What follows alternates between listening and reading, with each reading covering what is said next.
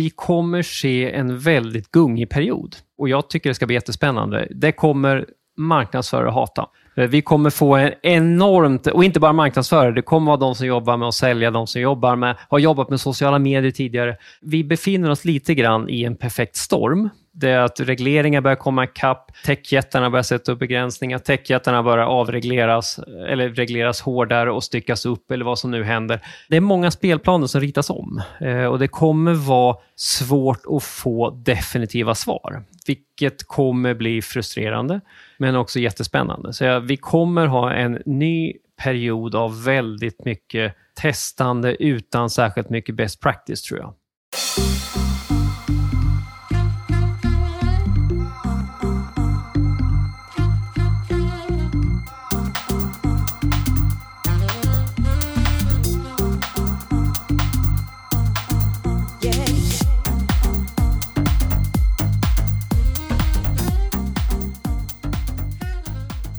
Välkommen tillbaka till Digital marknadsföring med Tony Hammarlund. Det här är en podd där jag intervjuar branschexperter och marknadsförare för att lära mig mer om digital marknadsföring. Mitt mål med podden är att bli en bättre marknadsförare och samtidigt dela med mig av intressanta samtal med några av Sveriges bästa marknadsförare. Det pratas väldigt mycket om NFTs, metaverse och andra tekniker inom webb 3.0 och nästa generations internet.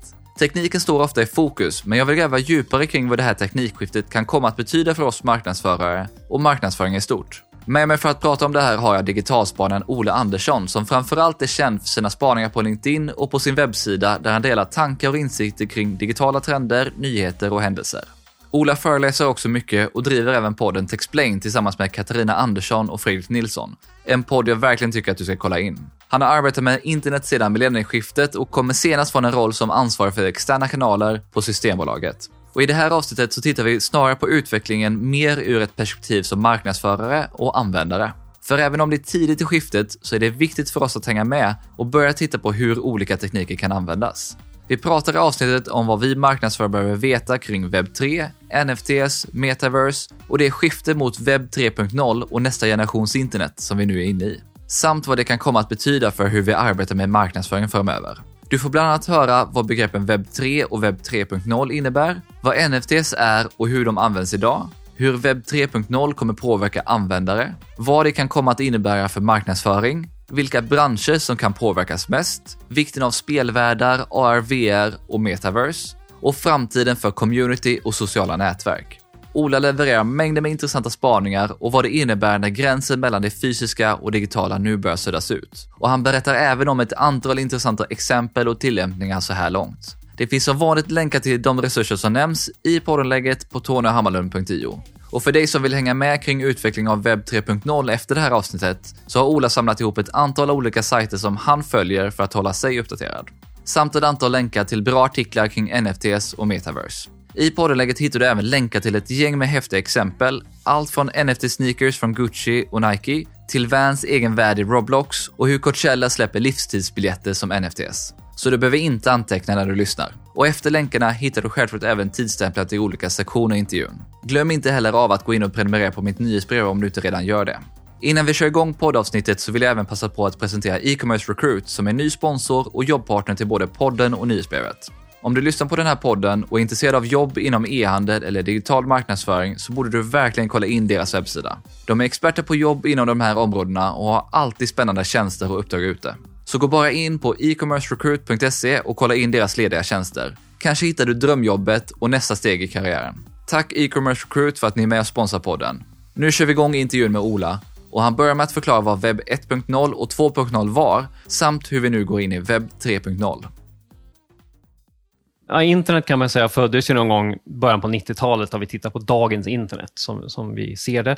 Och Det var ju webb 1.0 och det kan man säga att det är ju sajter, det är e-post och det är det som internet var i början. Sen någonstans vid ungefär 2004 brukar man säga, vilket som av en händelse är det år när Facebook grundades, så inleddes webb 2.0 och det kan man säga, det är eran med sociala medier, de här användargenererade plattformarna, när vi har plattformar där man gör bloggar, Instagramkonton och så vidare. När, när man inte bygger en egen hemsida utan att det finns färdiga tjänster där man kan bygga upp sin närvaro på.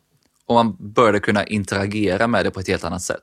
Ja, och sen hann ju tekniken också ikapp video. Vi fick ju en helt annan roll därför att helt plötsligt hade vi uppkopplingar som kunde stötta video i bra kvalitet. Så att mycket sånt eh, följde ju på. Sen även e-handeln var ju en stor del av webb 2.0 när vi vande oss vid att handla på nätet.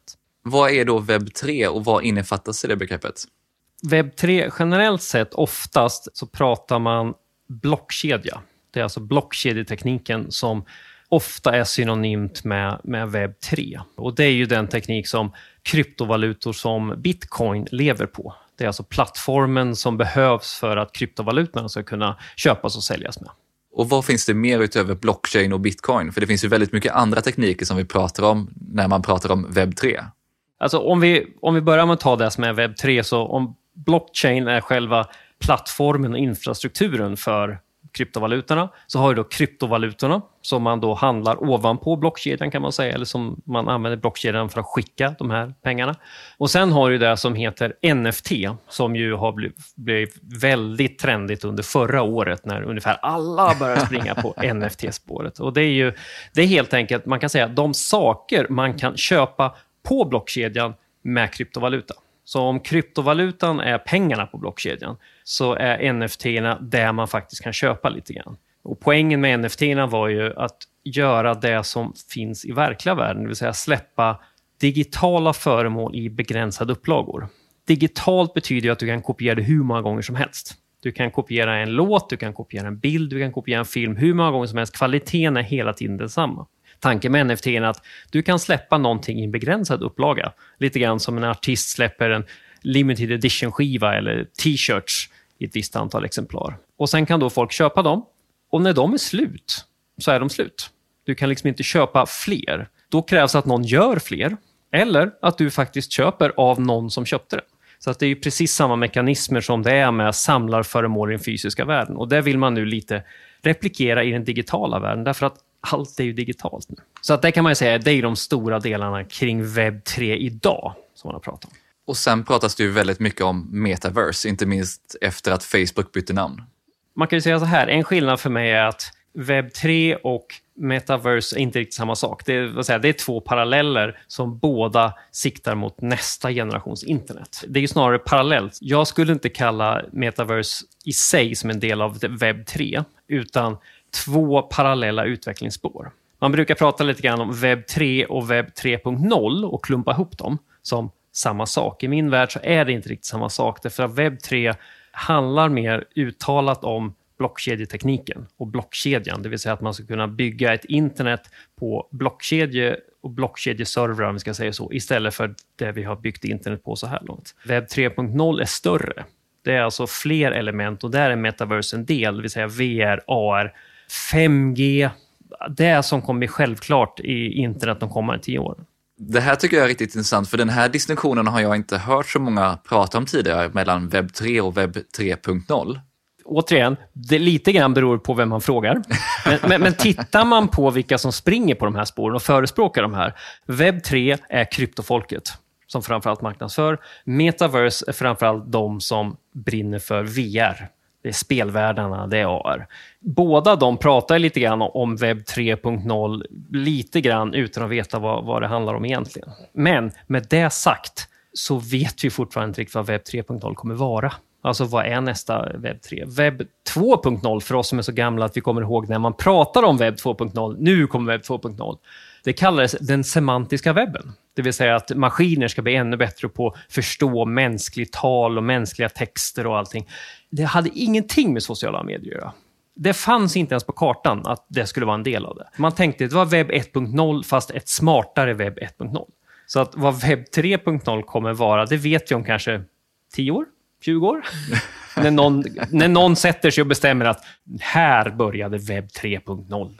Visst, alla kommer säkert inte vara överens med, med mig om det, men för mig så finns det en, en skillnad i hur man pratar om de här två begreppen. Att webb 3 helt enkelt är en del av webb 3.0, skulle man kunna säga. Och webb 3.0 innehåller mycket mer, där metaverse är en av delarna. Men då tycker jag att vi pratar webb 3.0 i fortsättningen i den här intervjun, för det är ju det större begreppet som jag tycker är väldigt intressant, att inte bara fokusera på blockkedjetekniken heller det är ju samma för mig. Jag är inte så hardcore teknikkille i grunden. Jag är inte den som brinner för du vet, server och tekniken i sig, utan vad man faktiskt kan göra med den.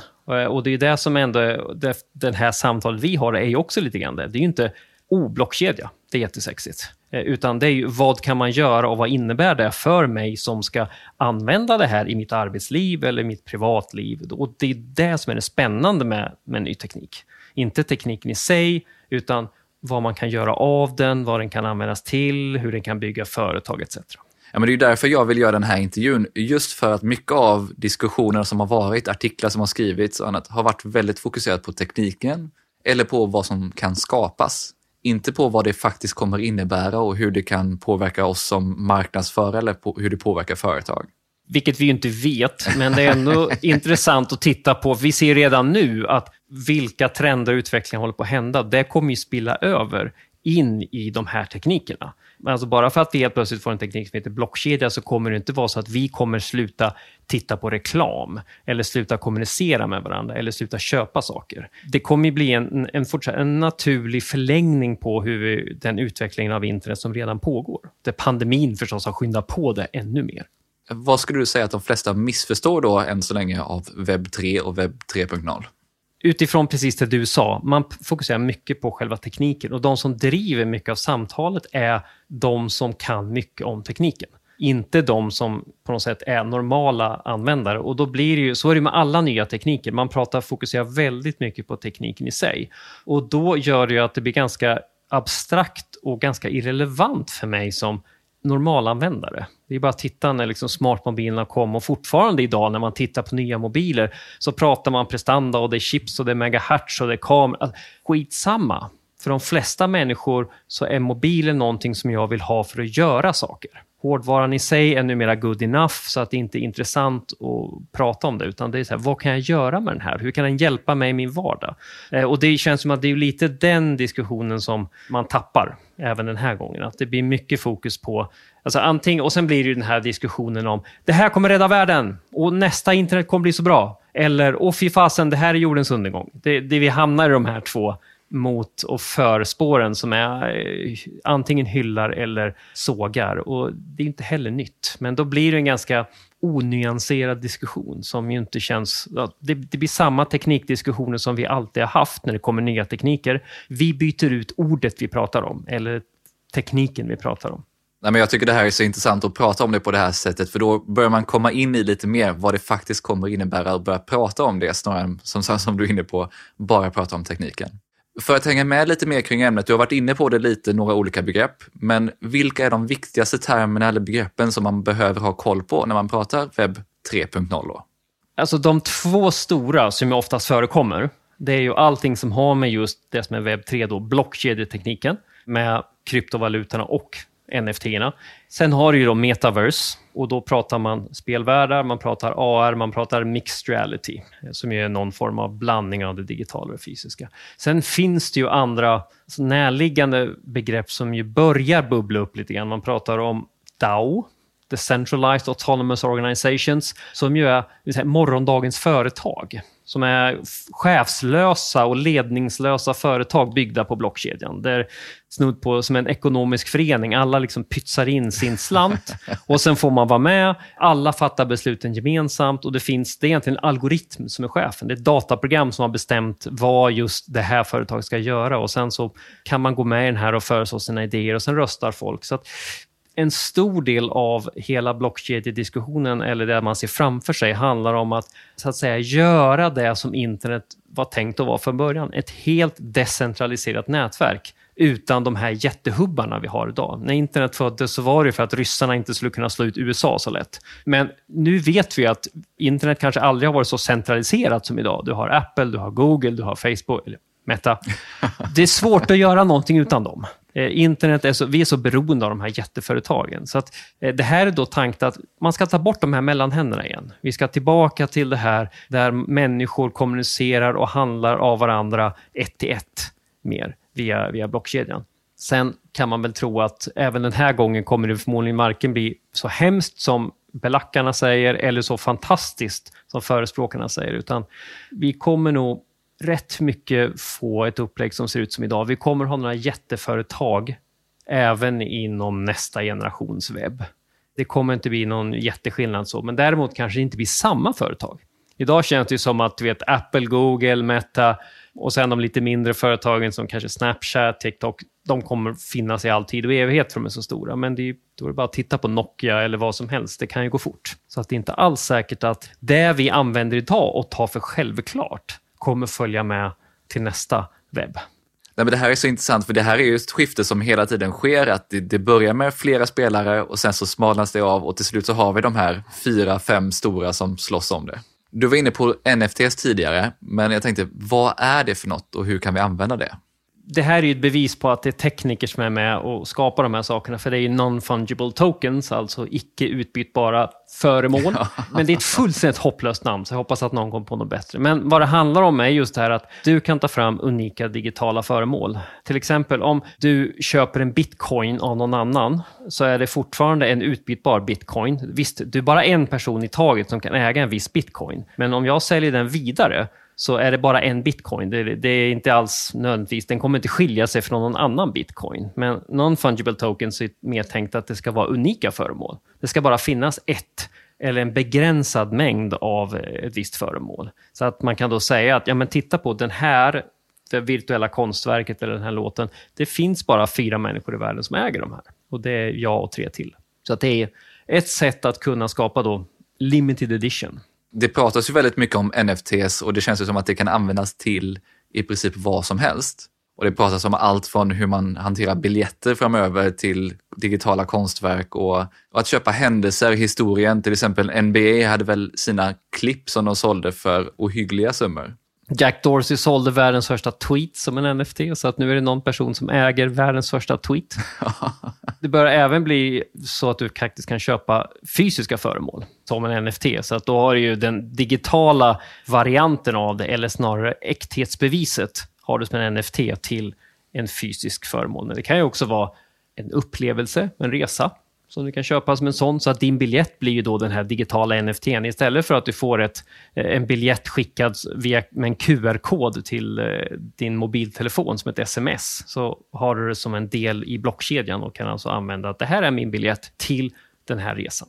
Två saker som man faktiskt redan nu har börjat sig använda för är ju dels att faktiskt kunna spåra kläder, leverantörskedjor. Det är ju mycket en del av, en, av själva blockkedjetekniken, att man kan följa vad livsmedel eller råvaror har varit. Men på det här sättet har man också börjat se hur företag som gör till exempel kläder kan tagga upp sina kläder så att man faktiskt också kan följa vad ett plagg har varit. Så att det blir en slags historik över vad plagget har varit, vilka ägare den har haft, om det till exempel har varit kändisar inblandade, men också som någon form av äkthetsbevis på det. Eh, och det jag tycker kanske potentiellt det mest intressanta så här långt är hur en NFT är egentligen kan man säga ett, ett, ett slags kontrakt. Eh, och då pratar man om smarta kontrakt som gör att du kan bygga in villkor i den här NFTn. Och det villkoret kan till exempel vara att du ska få 10% av återförsäljningen. Så om du tar fram en NFT och sen säljer du den till någon annan för ett visst pris. Sen säljer den personen vidare den i sin tur. Så får du som skapade den 10% av försäljningssumman och sen får du 10% av försäljningssumman varje gång det här NFT säljs vidare. Så det är ett sätt att helt enkelt försöka få till det som man aldrig har fått ordning på i den fysiska världen, det vill säga ge innehållsskapare och upphovsrättsinnehavare ersättning för andrahandsförsäljning. Så att man bygger så att säga in rättigheterna, upphovsrätten byggs in i den här produkten och följer med den. Så att man kan tjäna pengar på den hela tiden. Och det, är ju, det har ju möjlighet att bli något jättestort för till exempel musikindustrin. Ja, men det här är två riktigt bra spaningar och intressanta appliceringar av den här tekniken man kan ju bara hoppas på att artister och konstnärer och andra kreatörer kan få mer betalt för sina verk. Det, för det är en av de stora utmaningarna idag. Hur får man betalt för innehåll? Och det har ju alltid varit en utmaning. Det blir ju inte bättre med internet när man kan ladda ner och kopiera vad som helst så mycket som helst. Så att, ja, det är väl ett försök i alla fall.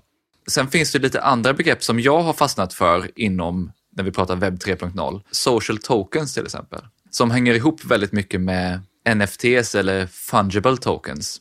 Så vad är det för något? Ja, som egentligen hänger ihop lite grann med, med det jag sa, att man eliminerar mellanhänderna. Att man egentligen ska kunna ge... Det, det är som nästa generations merch för, för artister eller innehållsskapare. Som innehållsskapare skapa sina egna digitala t-shirts nästan, som man också som eh, fan kan köpa och stötta på det sättet. Eller omvänt, att man kan belöna sina, sina fans med det. Så att det är också ett sätt att man som fan ska kunna direkt stötta sin artist man gillar, eller sin konstnär, eller sin filmskapare eller vad det nu är, utan att behöva gå via plattformar. Även om du idag till exempel använder en tjänst som Patreon för att stötta någon, så är det ju en mellantjänst. Patreon är en mellantjänst, de tar avgift. Eh, alla plattformar som idag har möjlighet för innehållsskapare att tjäna pengar tar ju ut en avgift i princip. Tanken här är att ja, men det ska bort. Det ska liksom inte finnas. Det ska gå ganska oavkortat mellan sändare och mottagare.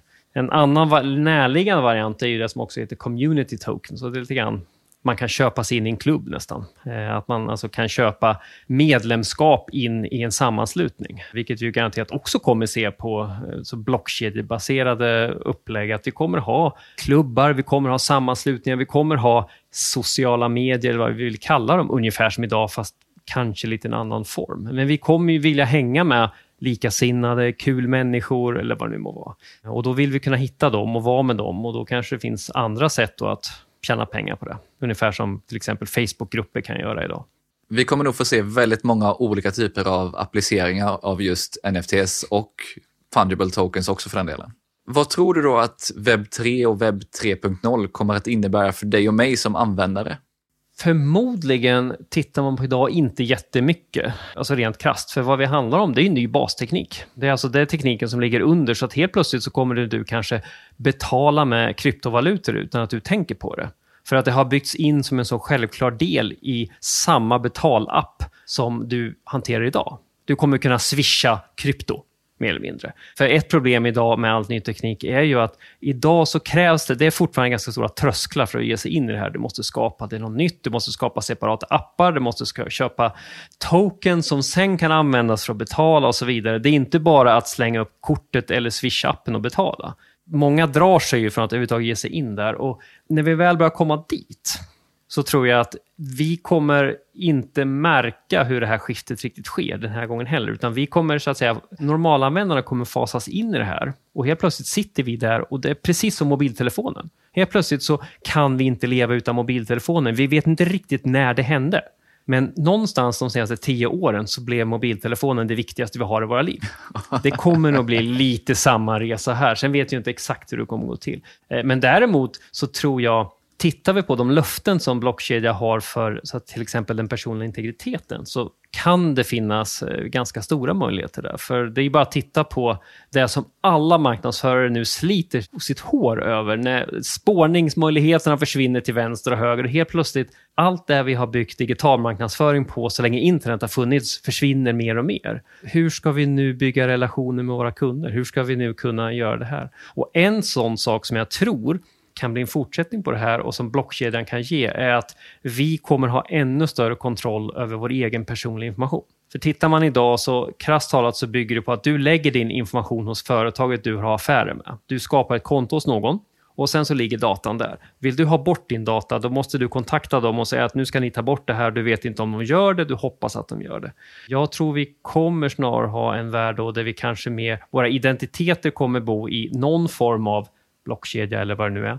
Vi kommer ha någon form av digitalt datakort på nätet på riktigt. Där man så att säga ger tillstånd till företag att använda data. Man öppnar liksom en dörr in till sin egen data när man vill göra affärer med ett företag. Men sen kan jag som privatperson stänga den här dörren och då tappar då det här företaget som jag hade kontakter med all information. Så alltså man, man kommer lite vända på datasteken, om vi säger så. Och då är frågan, hur ska man, då kommer det här problemet bli ännu större. När man då som marknadsförare helt plötsligt ännu mer kommer vara beroende av att man har en väldigt bra relation med sina kunder. Men i grund och botten tror jag att det som händer nu, det Google gör, det Apple gör med att sätta stopp för möjligheten att spåra, är någonting som jag tror kommer vara jättebra för marknadsföringen överhuvudtaget. För nu kommer man tvingas att innovera.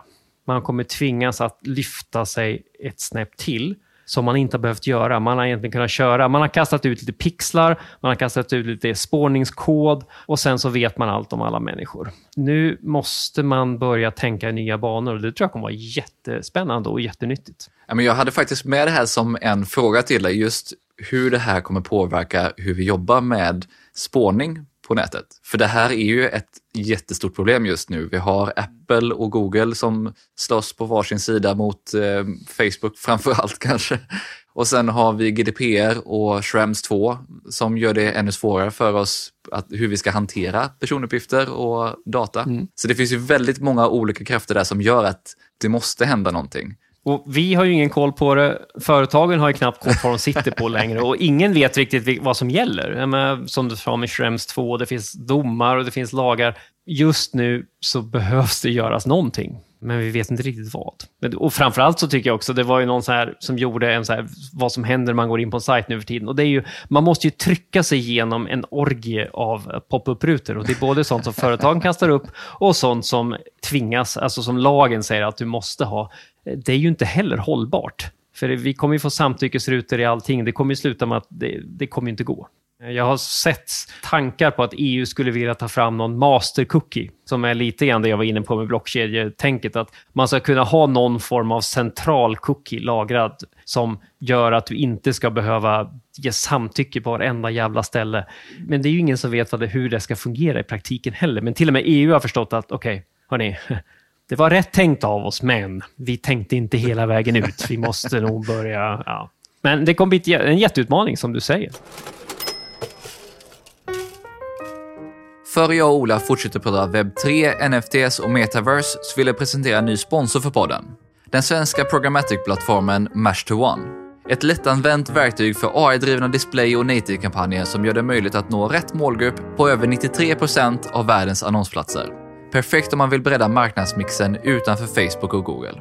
Plattformen gör det enkelt för marknadsförare att skapa kampanjer för att öka varumärkeskännedom, driva trafik, konverteringar eller försäljning med automatisk ROAS-optimering. Något som är riktigt coolt är att man har en smart koppling mot Google Analytics som med maskininlärning optimerar annonseringen utefter beteende på sajt. Och spårningen går självklart att sätta upp med Google Tag Manager.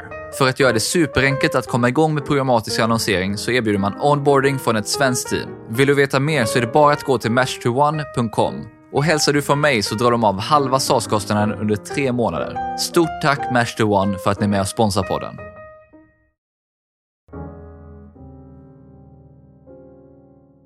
Och då kommer vi in mer på just det här, vad innebär det här för marknadsföring och för företag? Så vad är din take på det? Vad kommer webb 3 och webb 3.0 innebära för varumärken, för digital marknadsföring och marknadsföring generellt?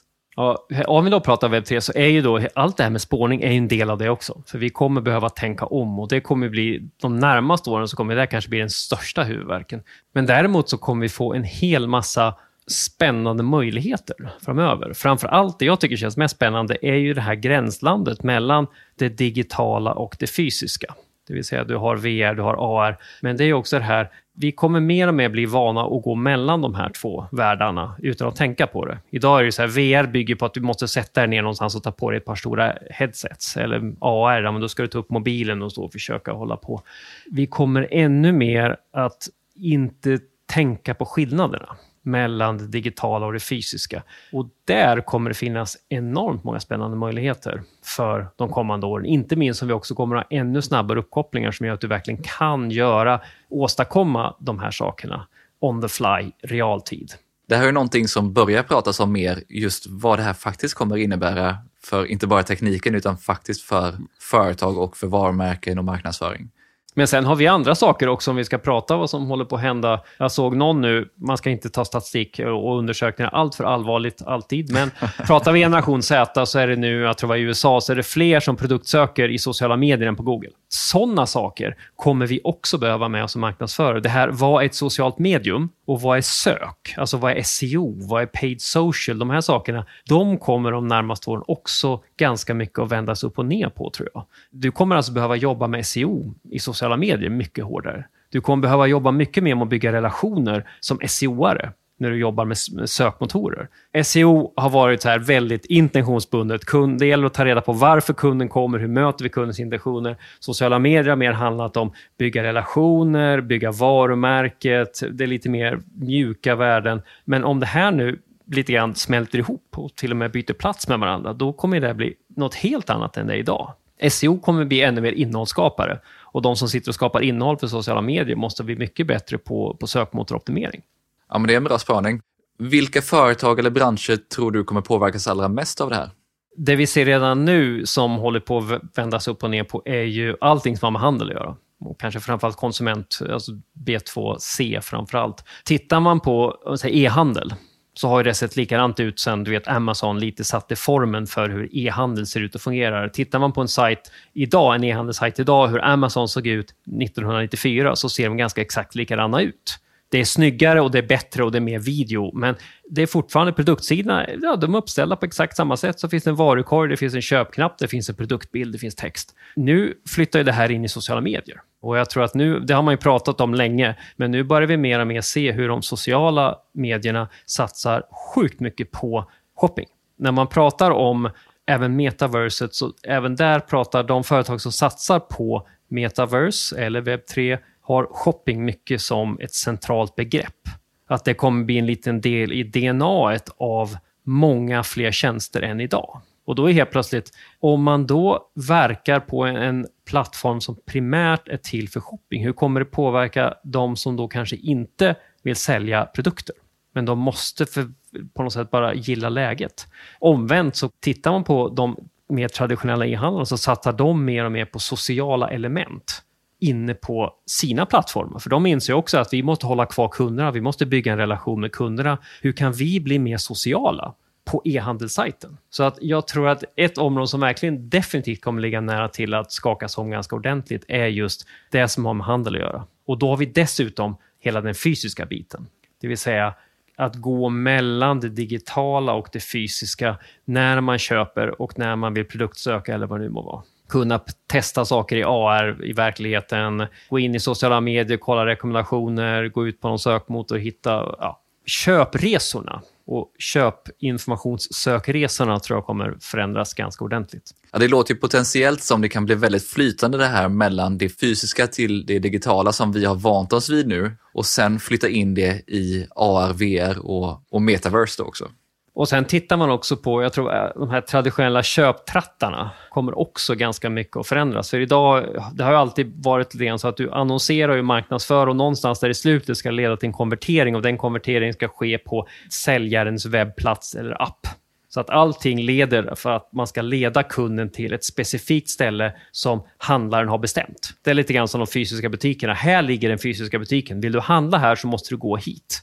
Sen kom e-handeln som lärde oss att jag måste inte alls gå till e-butik som ligger där. Jag kan sitta med min dator eller min mobil och handla. Och nu blir det helt plötsligt så att, men varför ska jag behöva klicka mig bort från den plattform där jag ser annonsen? Varför måste jag överhuvudtaget lämna den här miljön där jag såg det jag ville köpa och börja om från början på en sajt som jag inte vet någonting om? Jag vill kunna köpa här och nu. Så att då blir det liksom, en köpresa kan bli otroligt mycket kortare och gränsland mellan annonsering och köp kommer också bli mycket mer flytande än det har varit traditionellt, tror jag. Vad tror du då att metaverse kommer betyda för marknadsförare och varumärken? Nej, men tittar man på det så mycket av metaverse-pratet är långt bort. Det var ju när, när, Facebook gick och blev Meta så var det mycket att det här kommer vi till tio års sikt och de har lång horisont. Man pratar om rena virtuella världar. Men innan vi kommer dit, så det jag tycker är mest spännande är dels hela det här gränslandet mellan det fysiska och digitala som jag var inne på, där AR redan idag en jättestor möjlighet för marknadsföring. Hur man kan jobba med det både för, alltså, som del av sina produktsajter eller som del av sin marknadsföring.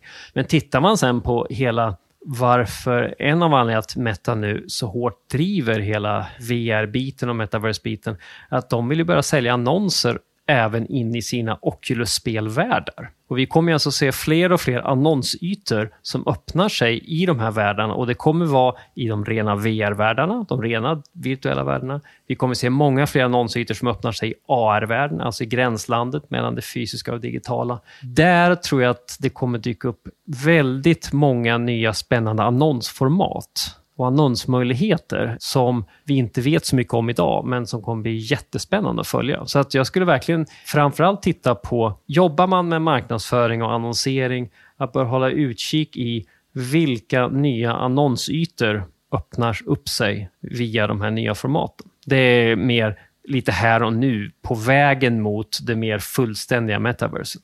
Ja, men det här ska bli otroligt roligt att se vad som händer när det här börjar utkristallisera sig. Hur den här världen kommer se ut, där vi har en mer mixad verklighet. Och Det kommer bli sjukt spännande att följa. Någonting annat som det pratas rätt mycket om, det är just det här elementet av community som är väldigt centralt inom webb 3 och webb 3.0. Hur kommer det påverka marknadsföring framöver tror du?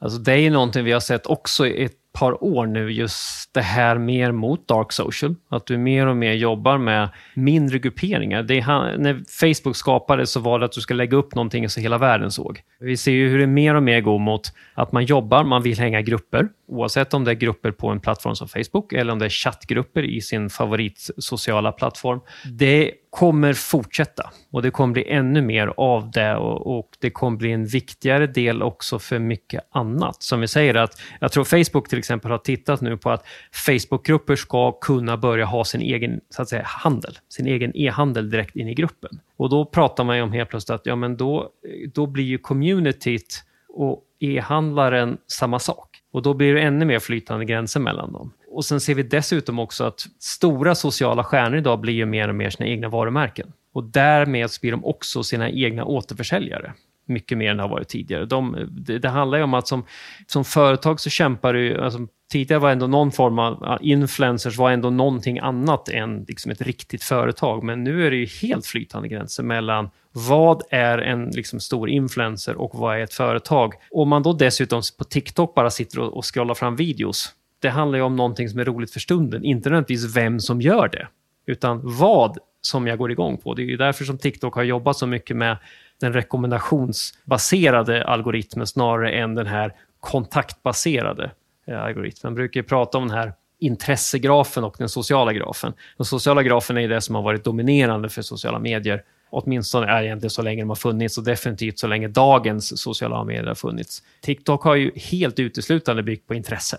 Och det gör ju också det mycket lättare att ta klivet förbi spårningen. För om det inte bygger på personlig information längre så är det så mycket lättare att fortsätta göra som det man gör. Du var inne här på Facebookgrupper och det finns ju andra olika alternativ där. Någonting som är väldigt hett inom framförallt NFTs-världen är ju Discord. Så det känns ju, det finns ju fler plattformar som växer här också inom just community-världen. Och Man tittar också på vilka sociala medier det är som man måste vara på. Alltså Discord var ju, det är ju någonting för spelare. Det är, där håller spelgänget till på. Ja, men nu ser man att det är inte alls det. Det börjar bli mycket viktigare av andra anledningar och för andra målgrupper. Samtidigt som spelvärldarna blir ju allt viktigare som sociala medier. Idag är ju Fortnite till exempel, eller Roblox, eller vad det nu må vara, de är ju lika mycket sociala nätverk som de är spelvärldar. Även här kommer det bli så att gränsen mellan vad är ett socialt medium och vad är det jag gör eller köper någonting kommer ju ännu mer sudda ut gränserna. Det är bara titta, det är ingen slump att Facebook eller Meta satsar så stort på spel just nu. För de har ju sett att okej, okay, spelvärldar är lite grann nästa stora sociala plattform. Spel kommer absolut bli en jättedel om man pratar om hela webb 3.0. Och då inte bara för själva spelmekanismen, utan det är de här världarna som Mark Zuckerberg lite ser framför sig, där man kan du vet, göra saker och hänga med vänner och handla och allting är på ett ställe och det är virtuellt. Så spel och hur spelmekanismer och hur gamingpubliken fungerar, det kommer bli jätteviktigt att ha koll på framöver, för de kommer bli väldigt stora och köpstarka målgrupper. Om spelvärlden är en sak som kommer driva lite mer utvecklingen av sociala medier, vad tror du mer kommer hända med dagens sociala nätverk som vi känner dem? Jag tror ju, om vi pratar lite mer kortsiktigt nu, eh, det vill säga närmaste åren, så det jag sa med intressegrafen kommer bli mycket större. Att vi kommer mycket mer samlas kring intressen. Och det är också som du sa med Discord, en del av det. Du liksom väljer kanalerna du hänger på för att det är gemensamma intressen. Det kommer bli en mycket större del av de här stora sociala plattformarna där vi interagerar och hänger. Och sen har vi då våra egna riktiga vänner som vi hänger i mer, ännu mindre grupper där vi så att säga, pratar om de här. Men jag tror att de här större plattformarna där vi idag jobbar mycket med marknadsföringen, det vill säga det är de här stora publika plattformarna. Där kommer vi se hur de här plattformarna av nödvändighet på grund av spårningsbegränsningar satsar allt mer på att vässa intresset.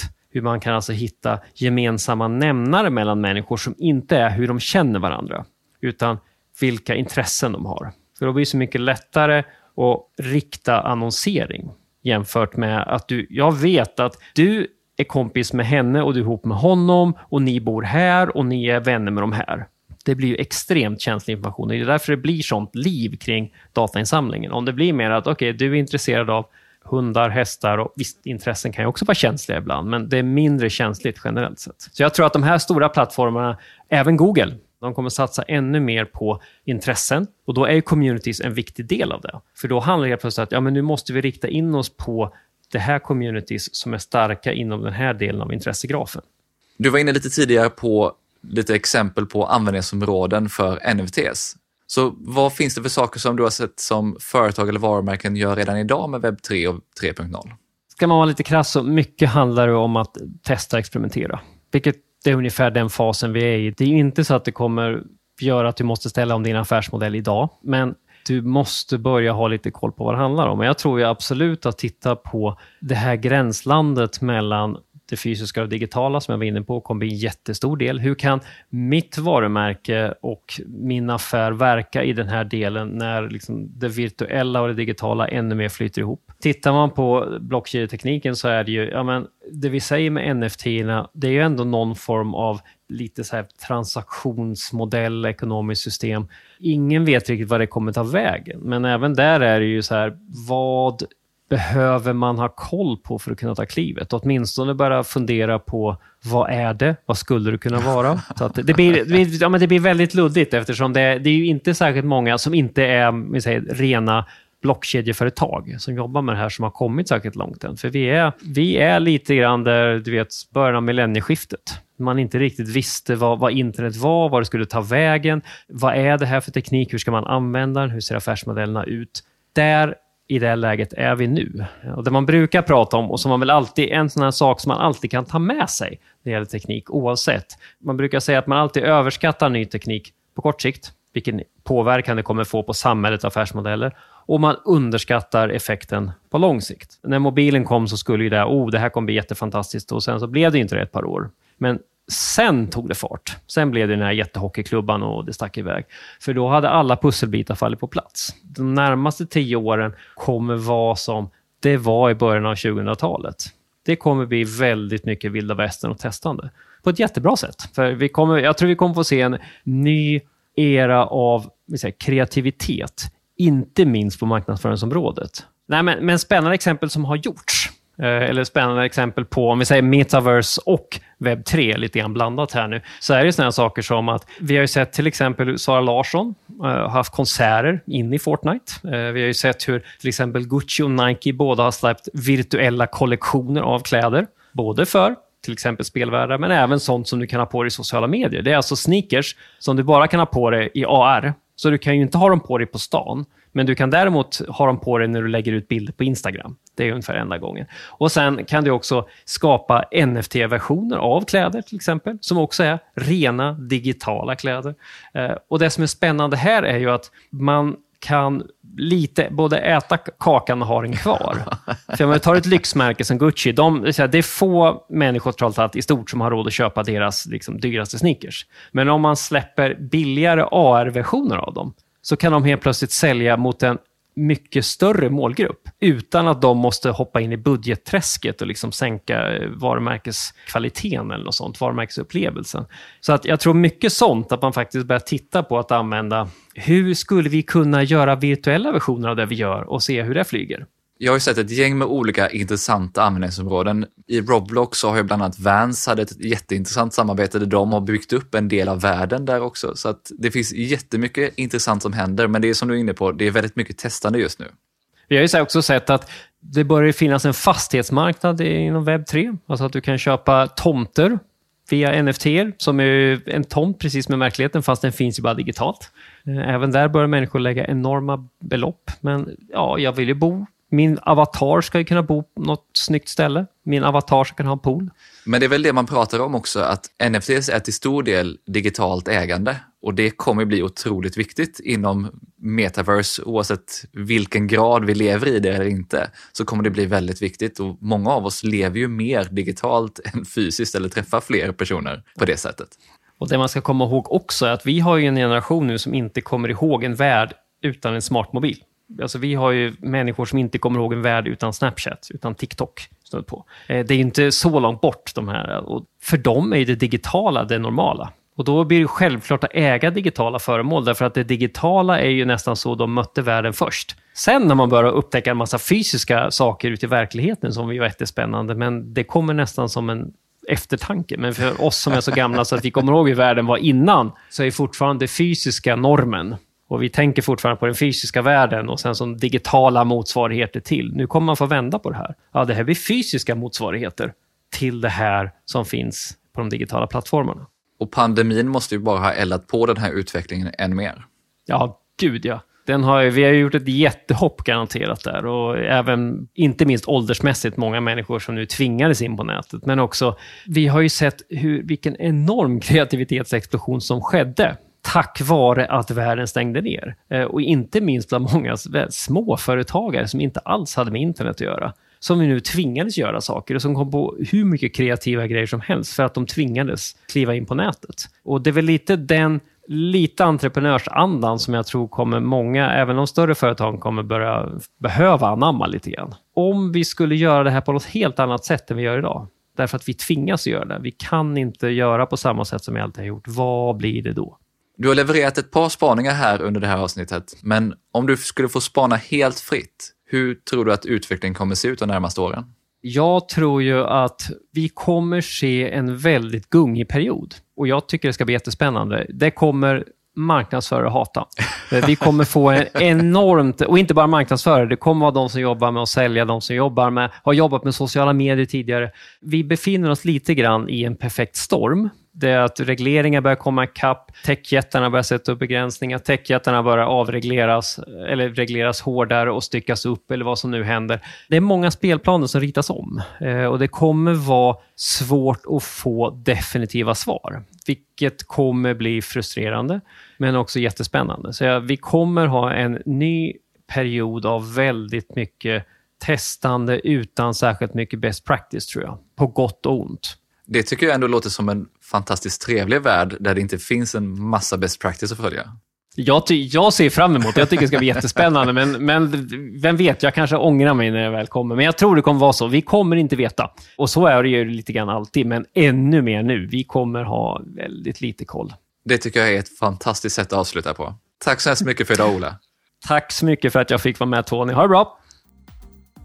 Även om det fortfarande är väldigt tidigt inom webb 3.0 så är det viktigt för oss marknadsförare att följa vad som händer. Jag tyckte därför det var riktigt kul att prata med Ola och höra hans tankar kring det skifte som vi nu är inne i. Och att inte titta enbart på tekniken, utan vad det kan komma att innebära i stort för marknadsföring. Allt från shopping och handel till kommunikation och annonsering. Jag har som vanligt valt ut mina tre främsta insikter från intervjun och de kommer här. 1. Att gränsen mellan det digitala och fysiska håller på att suddas ut. Och då behöver marknadsförare, företag och varumärken fundera över vad det innebär för våra produkter och tjänster. Samt hur vi kan utveckla våra erbjudanden för en framtid då vi sannolikt kommer spendera allt mer tid i spelvärldar, metaverse och mixad verklighet. 2. Shopping och handel kommer att integreras än mer i sociala plattformar. Nästan alla sociala nätverk erbjuder idag olika typer av shoppingmöjligheter och flera satsar också på liveshopping. Den här utvecklingen kommer garanterat fortsätta och utöver det kommer shopping bli en viktig komponent i olika communities, spelvärldar och metaverse.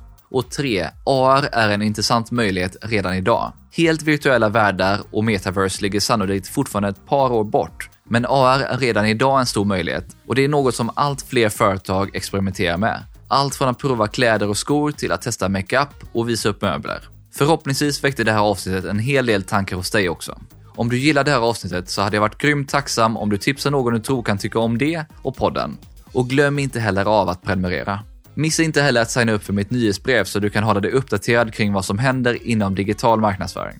Du hittar som vanligt länkar till alla resurser och verktyg vi nämnde i poddenlägget på tonyhammarlund.io. För dig som vill hänga med kring utvecklingen så har Ola som jag nämnde tidigare samlat ihop de sajter som han följer för att hålla sig uppdaterad.